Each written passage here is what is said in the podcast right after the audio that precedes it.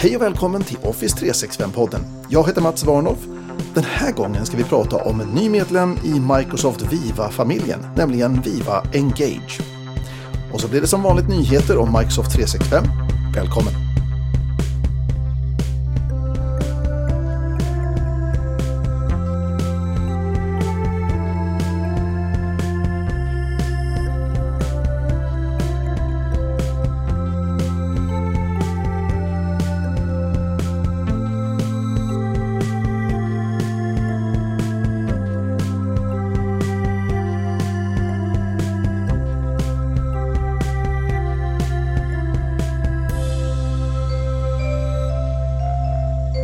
Microsoft 365 är maskineriet som aldrig stannar.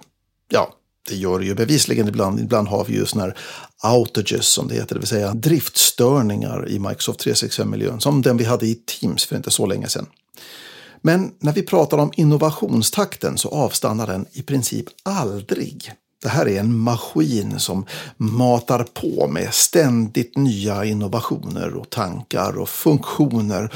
Och nu under juli, mitt under semestern, den 19 juli, när Microsoft hade sin Inspire-konferens, så lanserade man en ny tjänst i Microsoft Viva-paraplyt. Den här nya tjänsten heter Viva Engage och är i grund och botten Yammer. Låt mig berätta vad jag menar. Eh, det här är ett nytt namn på Communities-appen i Teams. Ja, precis. Eh, för Communities-appen i Teams, det är den appen där vi kan få in Yammer-konversationer in i Teams. Det vill säga vi kan plocka in Yammer som en komponent i Teams. Det är den som byter namn och ändrar utseende och får massa nya funktioner. Den kommer att heta Viva Engage och den kommer i augusti. Så vad är Yammer för någonting? Ja, det har vi ju pratat om tidigare i den här podden. Yammer är ett socialt nätverk i Microsoft 365 där vi kan diskutera saker och ting. Vi kan lyfta frågor som behöver ljus och luft och komma ut i det öppna där folk kan prata öppet om saker och ting. Saker och ting som värderingar, saker och ting som problem. Yammer är helt enkelt en komponent som ska främja det här samtalet som vi har medarbetare emellan. Oavsett om jag är vd eller vaktmästare så vill vi ändå ha ett samtal där vi diskuterar sådana saker som bolagets värderingar och våra kunder och hur vi ser på saker och ting. Poängen är helt enkelt att det ska engagera dig och dina kollegor i vad organisationen håller på med. Men Teams då, tänker du? Ja, Teams kan man ju också använda, men Teams är traditionellt sett åtminstone kanske lite mer fokuserat på det här med leverabler och projekt, kanske hårda saker. Många team är ju ganska transienta till sin natur, det vill säga de poppar upp och sen så slutför man det man ska och sen så försvinner teamet. Åtminstone är det det som är tanken. Jag vet inte hur många döda team som ligger i Teams, men så kan det vara. Viva Engage däremot, det är kopplat till den här tjänsten Yammer. Och vad det här innebär, det innebär att om du har licens för Yammer så har du också licens att använda dig av Viva Engage. Och det är det enda sättet att kunna komma åt Viva Engage. Allting som postas i traditionella Yammer-nätet syns i Viva Engage. Allting som vi postar i Viva Engage syns i det traditionella Yammer-nätet.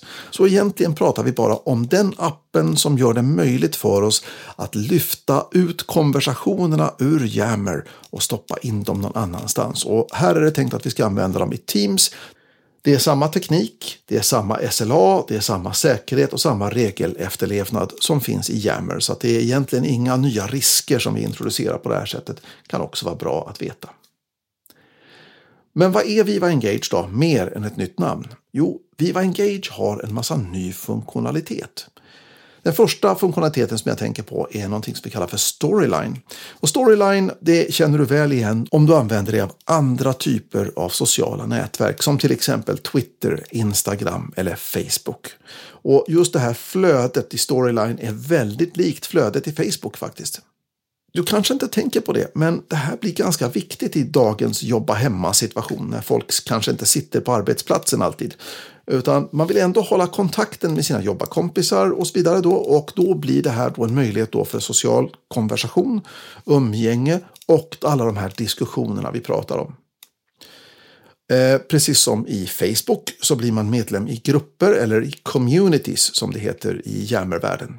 Och det kan ju naturligtvis vara jobbrelaterade. Det kan ha att göra med företagets värderingar eller det kan ha att göra med produktens utformning eller eh, vilken feedback vi får från kunder eller vad det nu handlar om. Så det kan naturligtvis vara väldigt hårt relaterat till arbetet men det skulle lika gärna kunna vara en community där eh, företagets sci-fi-nördar pratar om The Expanse och Star Trek och alltihopa det här. Så det här är väldigt plastiskt. Man kan använda det på väldigt många olika sätt. Och komponenten i den här storylinen då, där vi har våra communities och pratar om saker och ting, det är ju den enskilda storyn. Och en story, det är helt enkelt en postning, eller vad vi nu kallar det för. Och i Yammer så är det typiskt text, men men för dig som trivs bättre med Instagram och kanske vill uttrycka dig med en liten filmsnutt eller kanske med ett foto eller med kanske en ljudsnutt till och med. Då ska du veta att en story kan lika gärna vara de sakerna. Om Office 365-podden var internt på ett företag så hade stories kunnat fungera bra som plattform för det som du lyssnar på just nu.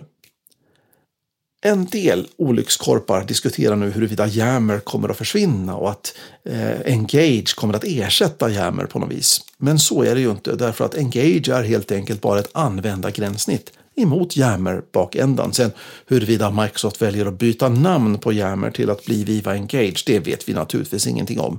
Men du ska veta att Yammer-funktionaliteten så som den ser ut idag, den är tänkt att den ska fortsätta, den vidareutvecklas. Och vem vet vad som händer med den framöver. Vad tycker jag om Viva Engage då? Ja, utöver det faktum att jag faktiskt inte har testat det. Jag har bakgrund inom Yammer.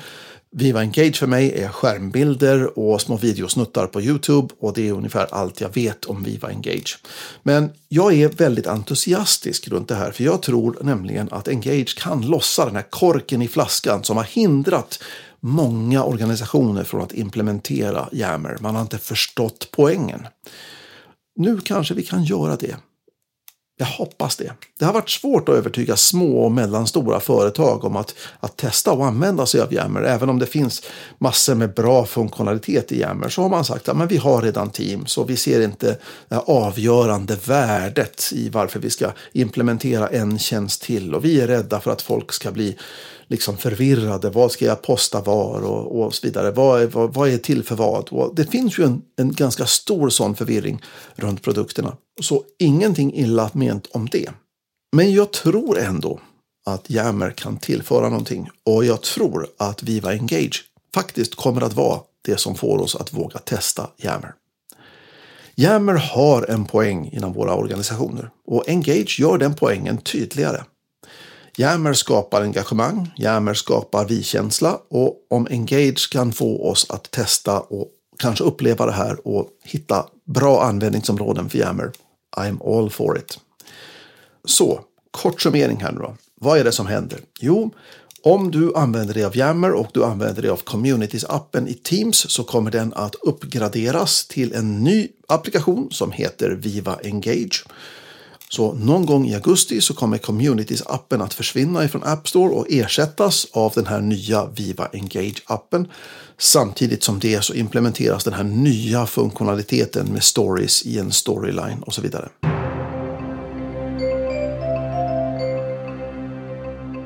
Dags för nyheter i Office 365-podden. Microsoft har ändrat licensieringen för Teams Rooms om du ska använda Teams i konferens eller mötesrum så är det smart att använda gemensam teknik istället för att alla använder sina individuella datorer och kameror och sånt. Och lagom till att det återigen har blivit aktuellt att samla grupper av människor i samma rum så har Microsoft gjort licensieringen av rummen enklare. Om du har få rum, färre än 25 och inte bryr dig om att använda de mest avancerade funktionerna så finns nu Teams Room Basic. Och det är gratis. Har du fler än 25 rum eller om du vill använda den senaste tekniken så finns Teams Room Pro och då kostar det 40 dollar per månad vid helårsprenumeration eller 48 dollar per månad och enhet om du vill kunna säga upp det vid varje månadsbryt. Det finns fler begränsningar än antalet enheter med Teams Room Basic och detaljerna hittar du på varnolf.link room. Office Script är en automationsteknik som tidigare bara var tillgänglig i Office för webben. Men nu har Microsoft gjort att man kan köra Office Script i Excel för Windows och Excel för Mac och under oktober så lanserar Microsoft det här. Satt du och tittade på Apples event i veckan? Sugen på en ny Apple Watch? Jag med.